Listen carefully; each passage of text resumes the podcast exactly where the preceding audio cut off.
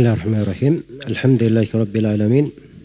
Wassalatu wassalamu ala al-mab'uts rahmatan lil alamin. Nabiyina Muhammad wa ala alihi wa sahbihi wa man tabi'ahum bi ihsanin ila yaumiddin amma ba'd. Baik. Ini sesi yang terakhir, sesi yang ke-12. Ada pembahasan kitab salah satu usul wa adillatuha, menjawab tiga pertanyaan malaikat di alam kubur dari rangkaian program kuliah Mapatih Al-Ilm. Ini buku yang ke-10. Baik, telah kita bahas pembahasan atau 11 pembahasan. Sekarang kita di pembahasan yang ke-12. Al-maqsud wal hikmah min bi'tatir rusul wa dalilu ala dalik. Maksud dan hikmah dari diutusnya para rasul beserta dalil akan hal tersebut. Kata penulis rahimahullah taala, "Wa kullu ummatin ba'atha ilaiha rasulan min Nuhin ila Muhammadin sallallahu alaihi wasallam ya'muruhum bi wahdah عن عبادة الطاغوت والدليل قوله تعالى ولقد بعثنا في كل أمة رسولا أن اعبدوا الله واجتنبوا الطاغوت Kata beliau, Allah mengutus Allah telah mengutus seorang rasul kepada setiap umat mulai dari Nabi Nuh sampai Nabi Muhammad sallallahu salawatullahi wassalamuhu alaihi majmain dengan memerintahkan mereka untuk beribadah kepada Allah semata dan melarang untuk beribadah kepada Tagut. Dalilnya adalah firman Allah Ta'ala, وَلَقَدْ بَعَتْنَا فِي كُلِّ أُمَّةٍ رَسُولًا Sungguh kami telah mengutus seorang rasul pada tiap-tiap umat ani ibudullaha wajatani tagut agar mereka menyerukan beribadalah kepada Allah saja dan jauhilah tagut. Iya. Sini penjelasan tentang dakwah Rasulullah sallallahu alaihi wasallam dan agama beliau itu mencocoki agama para nabi dan para rasul. Karena setiap rasul diutus oleh Allah seperti itu. Untuk mengajak kepada tauhid dan memperingatkan dari apa? Dari kesyirikan.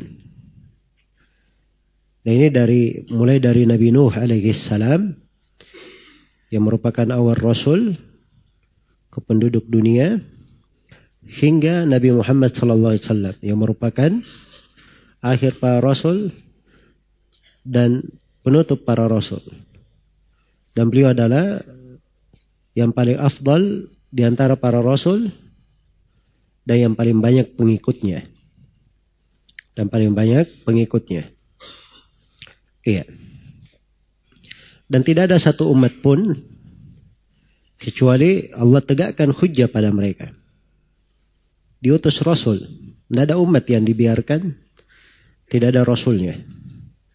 Karena itu dalam Al-Quran dikatakan wa im min ummatin illa khala fiha rasul. Ya apa illa khala fiha nadir. Tidak ada sebuah umat pun kecuali telah berlalu. Di tengah mereka ada yang memberi peringatan. Iya. Ada yang memberi peringatan. Baik. Eh, kullu ummatin, setiap umat. Umat ini kelompok dari manusia. Dan umat yang pernah ada di atas muka bumi ini ada 70 umat. Umat Nabi Muhammad, umat yang terakhir. Umat yang ke-70. Sebagaimana dalam Musnad Imam Ahmad dari Bahas bin Hakim dari ayahnya dari kakeknya Muawiyah bin Haida Rasulullah Shallallahu Alaihi Wasallam bersabda, antum tufuna sabiina ummah antum afdaluha wa akramuha Allah Ta'ala. Kalian umat Islam menggenapkan 70 umat. Kalian umat Islam yang paling afdal dan paling mulianya di sisi Allah Subhanahu wa taala. Baik. Setiap rasul diutus kepada umat itu pasti memerintah untuk beribadah kepada Allah dan melarang dari beribadah kepada togut. Iya. Apa dalilnya? Ini satu ayat di surah An-Nahl ayat ke-36. Walaqad ba'atna fi kulli ummatin rasulan. Sungguh kami telah mengutus pada setiap umat seorang rasul. Ani budullah supaya rasulnya menyampaikan kepada umatnya beribadahlah kalian kepada Allah wajatani tagut dan jauhilah tagut. Nah, inilah makna la ilaha illallah. Inilah mengajak kepada tauhid dan meninggalkan kesyirikan. Iya, setiap umat seperti itu. Baik. Ini di surah An-Nahl di ayat yang kedua dari surah yunazzilul malaikata birruhi min amrihi ala man yash ala man yasha'u min ibadihi an anziru annahu la ilaha illa ana fattaqun. Allah menurunkan para malaikat dengan ruh dari perintahnya. Iya. Agar supaya disampaikan kepada siapa yang Allah pilih dari para rasul. Rasul ini supaya menyampaikan Iya. Tidak ada ilah yang berhak diibadahi kecuali aku, firman Allah. Maka bertakwalah kalian kepadaku. Ayat yang lain di surah Al-Anbiya, "Wa ma arsalna min rasulin ma arsalna min qablika min rasulin illa nuhi ilaihi annahu la ilaha illa ana fa'budun." Tidaklah kami mengutus seorang rasul pun sebelum engkau Nabi Muhammad kecuali kami wahyukan kepada rasul itu agar menyampaikan kepada umatnya firman Allah. Tidak ada yang berhak diibadai kecuali aku maka beribadahlah kalian kepadaku. Baik itu sudah tiga ayat ayat yang keempat di surah Al-Ahqaf atau di surah Az-Zukhruf was'al man arsalna qablaka min rusulina aj'alna min dunir rahmani alihatan yu'badun. Tanyalah siapa yang kami utus dari para rasul sebelum kau Nabi Muhammad. Apakah ada, apakah pernah Allah perintah untuk menjadikan sesembahan-sesembahan selain daripada Ar-Rahman, selain daripada Allah Ar-Rahman yang Maha perahmat. Jadi kalau ditanya para rasul semuanya tidak ada. Semuanya mengajak kepada ibadah kepada Allah. Dan tempat yang kelima di surah Al-Ahqaf, Wadkur akha adin id andara qawmahu bil ahqafi wa qad khalatin nuduru min baini yadayhi wa min khalfihi alla ta'buduh illallah. Dan sudah berlalu para rasul sebelumnya, sebelum Nabi Hud. Iya. Sudah ada para rasul sebelumnya. Semua seruannya sama. Jangan kalian beribadah kecuali hanya kepada Allah. Nah, jadi setiap rasul yang diutus, nah ini yang mereka sampaikan. Ini yang mereka sampaikan. Baik. Dan ini sudah berlalu ya. Hanya saya saya ulang lagi karena hal-hal yang seperti ini untuk seorang penuntut ilmu itu harus selalu berulang, berbekas pada dirinya. Ya selalu berulang saja, kadang nggak berbekas. Apalagi kalau jarang dia apa? Diulangi dan diamalkan. Ada orang-orang yang kadang sudah sadar pentingnya dakwah kepada tauhid. Ya, sudah mulai mengenal dari jalan as-salaf. Ya, sudah mulai mengatakan bahwa dirinya mengajak kepada sunnah, kepada jalan as-salaf, tapi perbuatannya tidak menunjukkan hal tersebut. Iya. Tidak menunjukkan. Sebab seorang yang bagus tauhidnya, kuat di atas ilmu, itu terlihat dari apa yang diajarkan. Terlihat dari keseriusannya. Terlihat dari dakwanya. Perhatikannya kalau Nabi Muhammad sallallahu alaihi wasallam di fase Mekah 10 tahun semuanya tentang tauhid, 3 tahun baru ada pembahasan salat, 10 tahun di mana? Di Medina, di akhir hayatnya beliau juga mengingatkan tentang tauhid. Ya. Di segala kesempatan beliau memasukkan pembahasan tauhid, maka itu harusnya menjadi contoh untuk para dai. Ciri seorang yang lurus di atas jalan. Iya. Dai itu dia mengarahkan umat. Dia mengarahkan. Bukan dia yang diarahkan. Ya kalau umatnya senang begini, dia juga begitu. Senang begini, dia juga begitu. Ingat bersama, bersama angin bersama selera orang. Itu tidak cocok seperti itu. Iya. Orang-orang menyandang agama itu punya sifat asabat, keteguhan. Nah, keteguhan ini yang dicontoh, diikuti. Mereka yang membimbing manusia mengarahkan kepada jalan yang baik. Ya, tidak ada masalah seorang mengajak dengan hal yang bisa diterima oleh akal, hal yang mendekati mencocoki, tapi jangan keluar dari dakwah para nabi dan para rasul. Baik, karena sudah menyinggung dakwah para nabi dan para rasul dan dakwah mereka adalah ibadah kepada Allah dan menjauhi togut, maka penulis sekalian mengingatkan lagi pembahasan tentang kewajiban kafir kepada togut dan kewajiban beriman kepada Allah. Diingatkan di sini. Dan ini pembahasan sudah kita bahas ya dalam risalah khusus tentang mana apa? Mana togut. Iya. Tapi itulah, kita melihat dari gaya penulis di dalam penulisan-penulisannya itu selalu berulang. Kalau ada kesempatan dimasukkan. Ya sebab memang ini perlu untuk selalu dikaitkan, selalu diingat, selalu diulangi. Baik, ini pembahasan yang ke-13. Fardul kufri bitawguti wal iman billah. Kewajiban kufur kepada tagut dan kewajiban keimanan kepada Allah subhanahu wa ta'ala. Iya. Kata beliau rahimahullah. Waftaradallahu ala jamil ibadi. Al-kufra bitagut. Al-kufra wal iman billah. Allah telah mewajibkan kepada seluruh hamba agar kafir terhadap togut dan beriman hanya kepada Allah saja. Akan datang nanti dalilnya. Beliau akan sebutkan dalilnya. Sebelum menerangkan dalilnya, Syekh rahimahullahu taala di sini menjelaskan dulu tentang definisi togut dan pokok-pokok togut itu. Iya, tokoh-tokohnya apa yang merupakan pokok-pokok dari togut. Baik.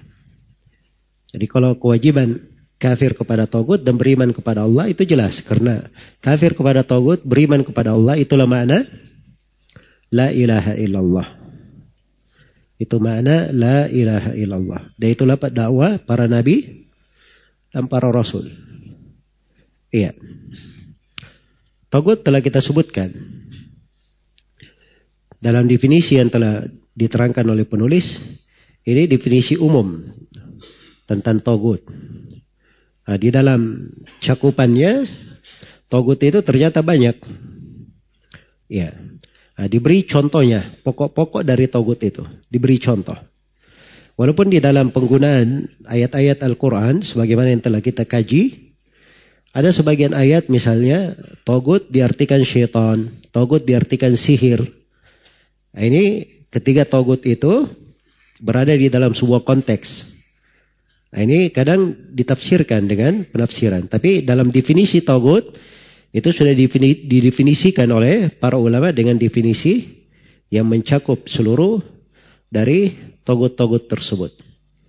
Kalaupun ada penafsiran, misalnya togut ditafsirkan dengan syaitan, atau togut ditafsirkan dengan sihir, ya maka ini penafsiran sebagian makna yang ada di dalam kata togut tersebut. Dan itu biasa ya di dalam ilmu tafsir.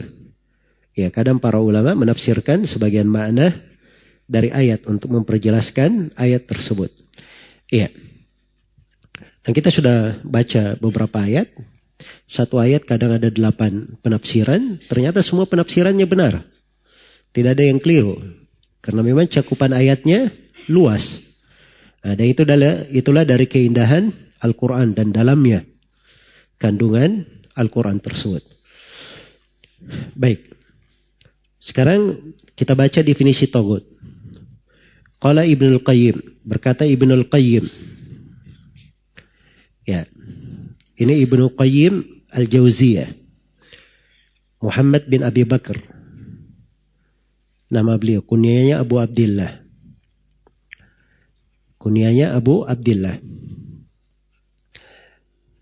Al-Qayyim itu itu gelar ayahnya.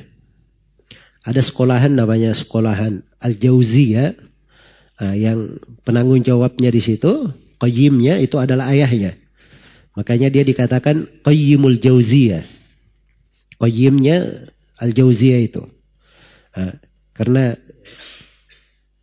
Ibnul Qayyim adalah anak beliau, makanya dikatakan Ibnul Qayyim. Kalau nama beliau Muhammad bin Abi Bakar.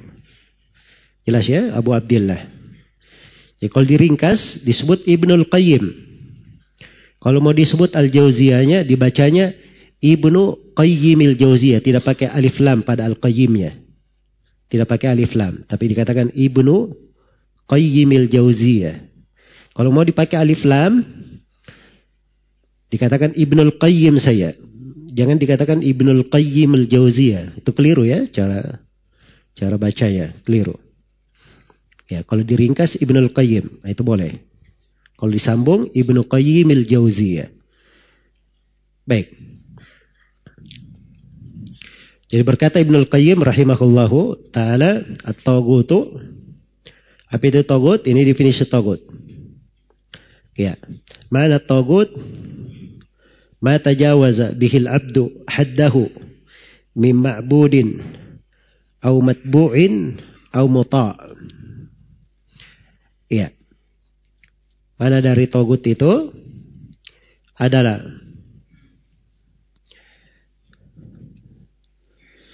ma tajawaza bihil abdu haddahu. Apa yang seorang segala hal yang seorang hamba itu melampaui batasannya.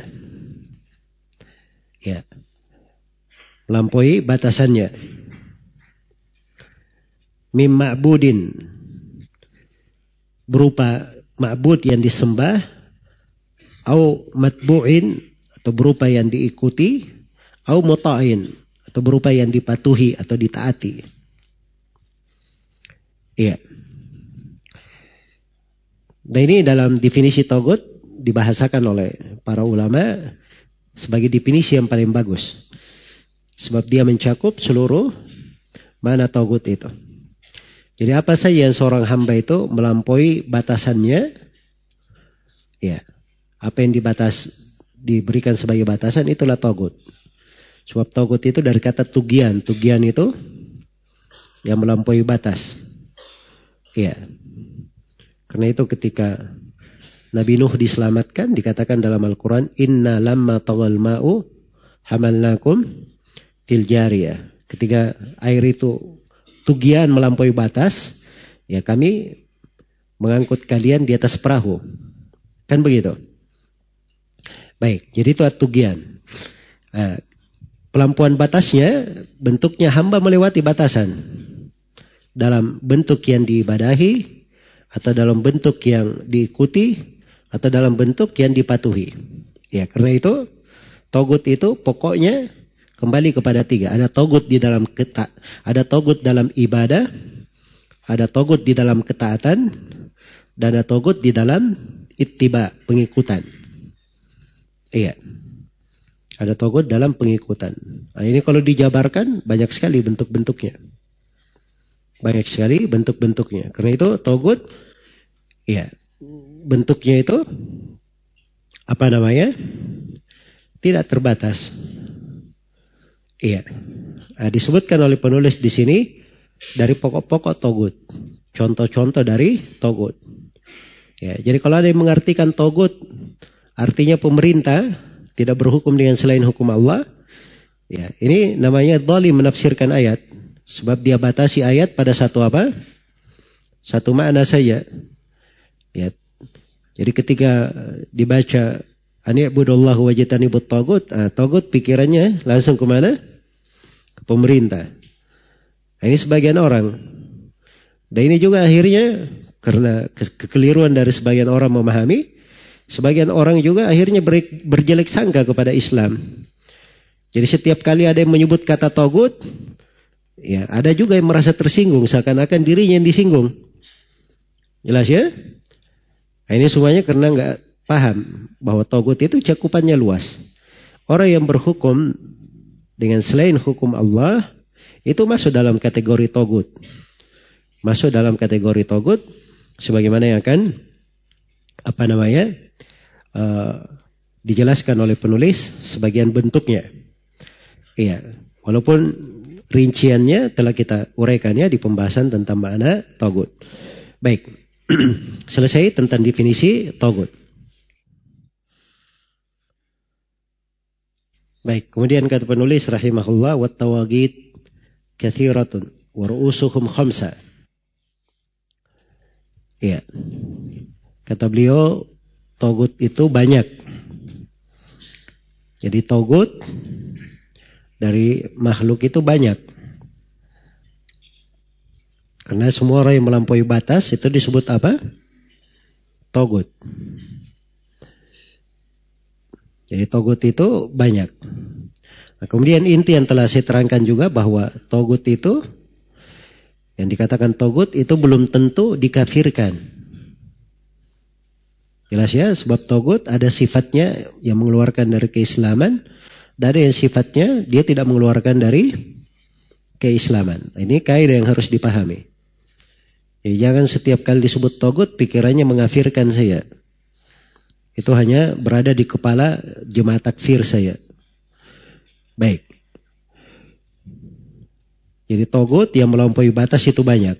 Waru'usuhum, nah, tokoh-tokohnya, ini tokohnya maksudnya ini berdasarkan penelitian dan kajian.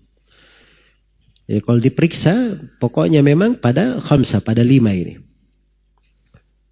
Yang pertama adalah iblis la'anahullah. Iblis semoga Allah melaknatnya. Iya. Laknat itu artinya at-tard min rahmatillah. Diusir dari rahmat Allah. Karena memang dia sudah dilaknat. Iblis. Ya.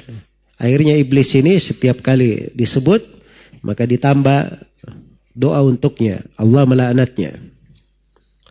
Nah, ini iblis syaitan ar-rajim pokoknya yang paling besar, tokohnya yang paling besar. Dia melampaui batasnya, diperintah untuk sujud kepada Adam dia tidak mau. Iya. Dan dialah yang mengajak manusia untuk apa? Beribadah kepada selain Allah. Ya, beribadah kepada selain Allah. Karena itu dikatakan alam ahad ilaikum ya bani Adam Allah ta'budu syaitan innahu lakum aduwwum mubin. Bukankah aku telah ambil janji dari kalian wahai anak Adam, jangan kalian menyembah syaitan. Dia adalah musuh nyata. Iya. Jadi dia ini memang mengajak manusia untuk beribadah kepada dirinya. Ya, selain daripada dia kafir, kepada Allah Subhanahu wa taala, dia juga mengajak untuk beribadah kepada dirinya, beribadah kepada selain Allah Subhanahu wa taala. Jadi ini togut yang pertama, iblis. Togut yang kedua adalah man ubida wa huwa radin. Orang yang disembah dalam keadaan orang itu ridha untuk disembah. Iya, jadi kalau dia diibadahi, dilakukan praktek ibadah kepadanya, dan dia ridha akan hal tersebut, maka itu disebut togut. Disebut togut. Iya. Baik. Dan ini bagi umat Islam, hal yang mengerikan. Orang awam saja melihatnya, itu besar. Ya, tapi subhanallah di kalangan orang-orang yang menyimpang, orang-orang tersesat, itu jadi sebuah ibadah, sebuah hal yang bagus. Ya, itu perhatikan aja ya di kelompok sufi masa sekarang ini. Ya. Saya pernah lihat potongan video orang-orang sufi. Ya. Itu datang ke mursyidnya sedang duduk. Dia bersujud di depannya. Gantian datang bersujud. Datang bersujud. Jelas ya? Jadi ini bagi orang awam dari kalangan ahli tauhid itu tahu bahwa itu adalah apa? Itu adalah kekufuran. Ya, sujud kepada selain Allah. Dan ini orang ridho dengan hal tersebut. Malah dia yang mengajari pengikutnya supaya begitu caranya. Ya, maka tidak diragukan seperti ini masuk di dalam kategori apa? Togut, sangat melampaui batas. Inilah sifat-sifat yang menyesatkan manusia. Nasallallahu alaihi Kemudian yang ketiga adalah kata penulis rahimahullah manda'an nasa ila ibadati nafsihi. Orang yang mengajak manusia untuk menyembah dirinya. Iya. Untuk menyembah dirinya. Baik. Ini seperti misalnya Firaun. Firaun itu diajak orang untuk menyembah dirinya. Ya. Karena itu dikatakan tentang Fir'aun innahu tagha. Sungguhnya Fir'aun ini telah sunang-wenang. Itu togut namanya. Karena Fir'aun berkata kepada pengikutnya, Ma'alim tulakum min ilahin ghairi. Wahai para pembesarku, saya tidak tahu ada sesembahan lain untuk kalian. Saya tidak tahu ada sesembahan untuk kalian selain diriku. Jadi anggap bahwa dirinya adalah apa? Yang diibadahi. Dan Fir'aun yang berkata, Ana Rabbukumul A'la. Aku adalah Rob kalian yang maha tinggi.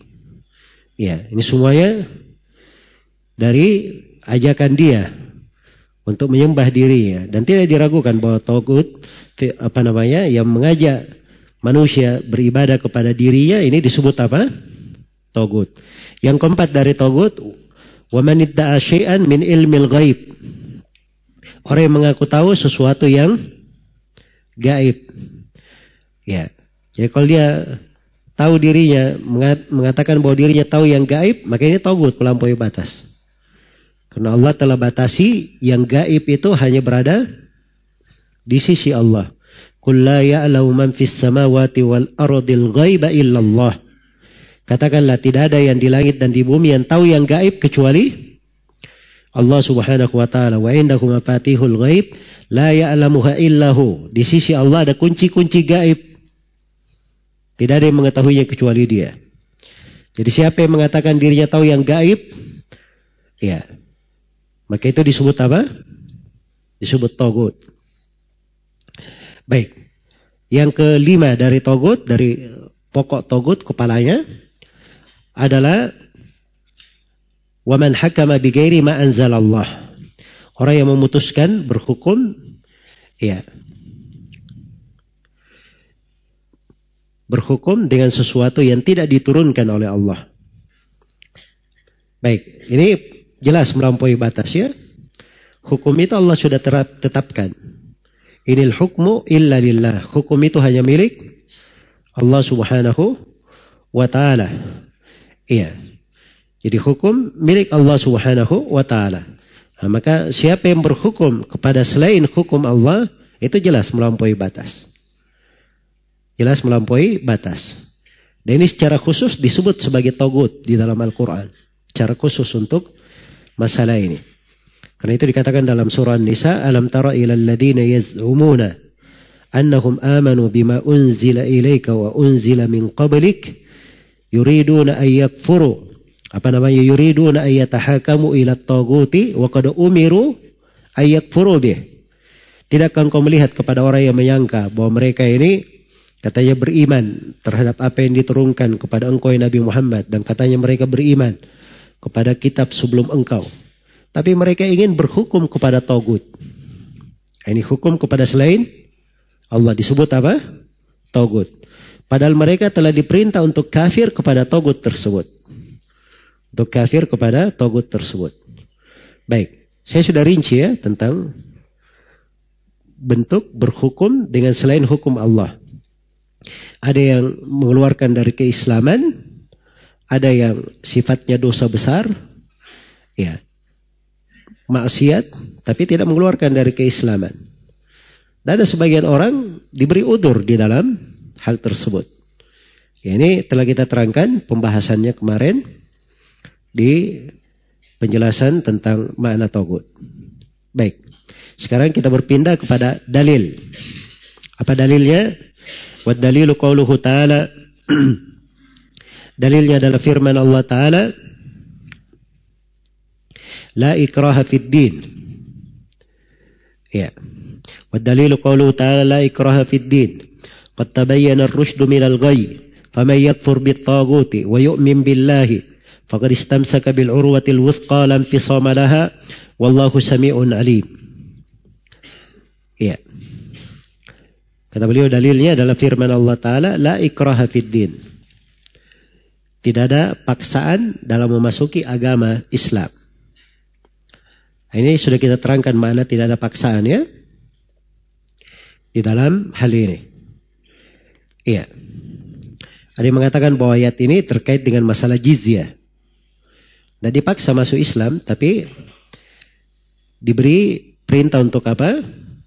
Dia membayar jizyah tunduk terhadap umat Islam. Dan dia mengatakan bahwa ayat ini terhapus hukumnya dengan ayat-ayat perintah apa? Perintah berjihad. Iya. Dan ini sudah kita ingatkan kesalahan sebagian orang di dalam memahami di sini.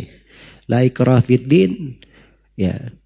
Dia pakai dalam semua pembahasan. Ya. Jadi kalau misalnya dia silam pendapat, jangan kamu paksa saya la ikrah din. Ya. Nah, ini salah paham ya di dalam memahami ayat-ayat. Qad tabayyana ar-rusydu minal ghayy. Telah tampak jelas perbedaan antara petunjuk dan jalan yang sesat. Nah, ini dari keindahan agama. Beda antara jalan yang lurus dengan kesesatan. Faman yakfur bit tagut. Siapa yang kafir kepada togut? Dimulai dulu dengan kekafiran kepada togut. Siapa yang kafir kepada togut dan beriman kepada Allah, faqad istamsaka bil urwatil wuthqa. Maka dia telah berpegang teguh dengan tali yang sangat kuat. Iya. Al-urwa itu tali ya yang dipakai berpegang. Al-wuthqa itu artinya sangat kuat sekali. Sangat kuat. Artinya tidak akan terputus. Tidak akan terputus. Iya. Itulah lam fisawmalaha yang tidak akan terputus sama sekali. Tidak akan terputus sama sekali. Baik. Wallahu sami'un alim. Dan Allah maha mendengar lagi, maha mengetahui. Iya. Kemudian pembahasan berikutnya, pembahasan yang ke 17, ta'kidu ma'na la ilaha illallah. Biannahul kufru bit wal imanu billah. Penegasan makna la ilaha illallah dengan kekafiran kepada tagut dan keimanan kepada Allah. Jadi kafir kepada togut itulah la ilaha. Keimanan kepada Allah itu apa? Illallah. Ya. La ilaha illallah dua rukunnya, an-nafyu dan al-itsbat. Kafir kepada togut itu an-nafyu. Keimanan kepada Allah itu apa? Al-itsbat.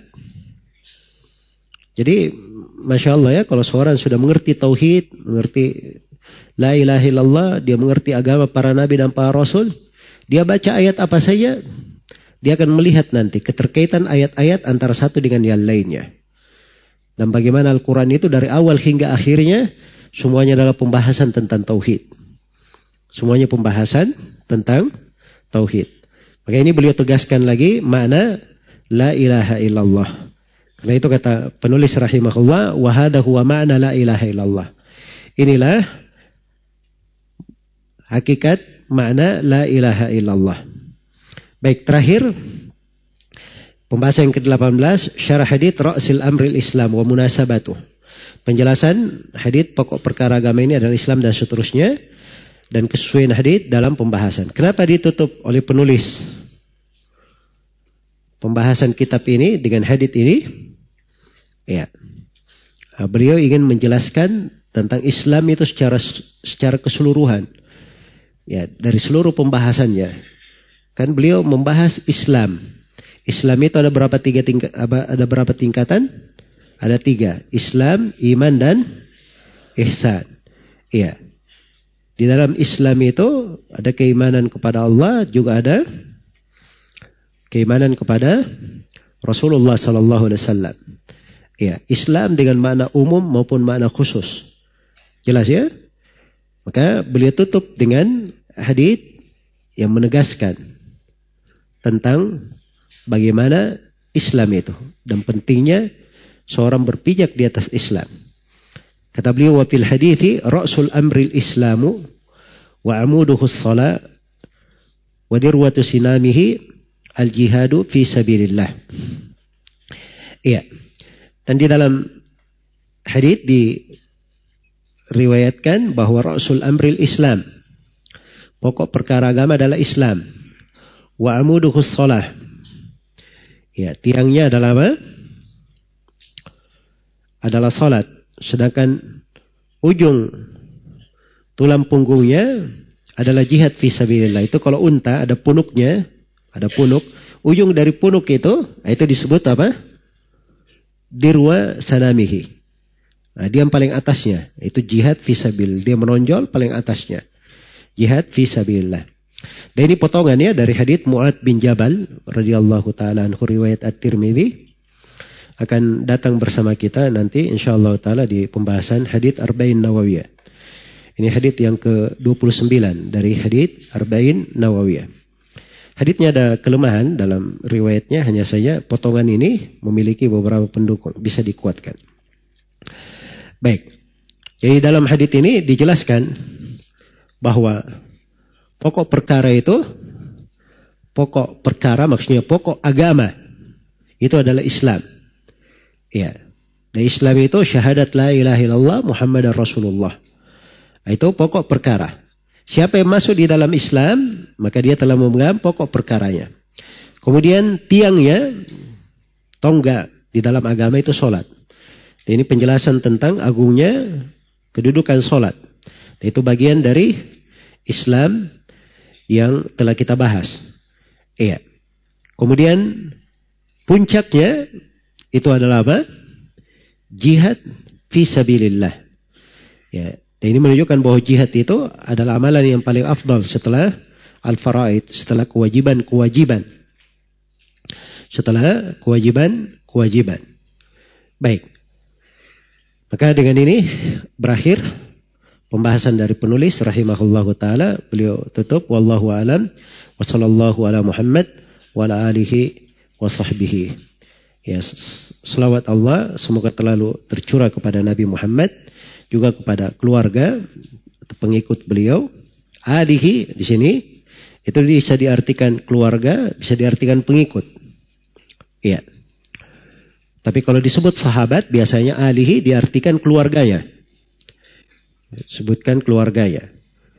Wasahbihi dan para sahabatnya wasallama dan semoga Allah selalu memberi salam untuk semuanya. Ya wallahu taala alam. Baik, selesai pembahasan kitab ini dan insya Allah taala di pertemuan yang akan datang kita akan kaji kitab yang ke-11 dari urutan kuliah Fatihah Ilm kitab ke-11. Kalau silsilah akidah menyelamatkan dari api neraka dia adalah kitab yang keberapa? Hah? Kitab yang ke-9 ya? Eh, berapa kitab kemarin?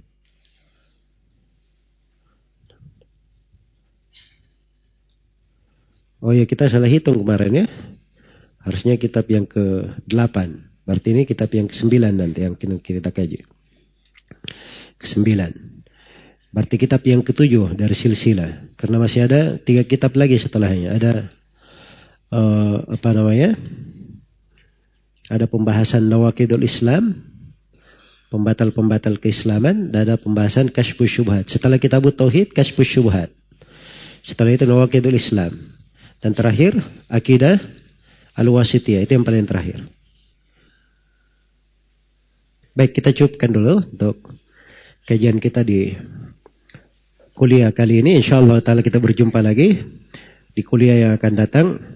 Semoga Allah subhanahu wa ta'ala selalu menjaga kita di atas ketaatan. Memberikan semangat dan kekuatan hati untuk kita semua. Semoga Allah memudahkan urusan, melancarkan perkara. Sehingga kita bisa menyelesaikan seluruh kajian dan program di dalam kuliah ini. Wallahu ta'ala alam. Subhanakallahumma wa bihamdik asyhadu an la ilaha illa anta astaghfiruka wa atubu ilaik walhamdulillahi rabbil alamin. Wassalamualaikum warahmatullahi wabarakatuh.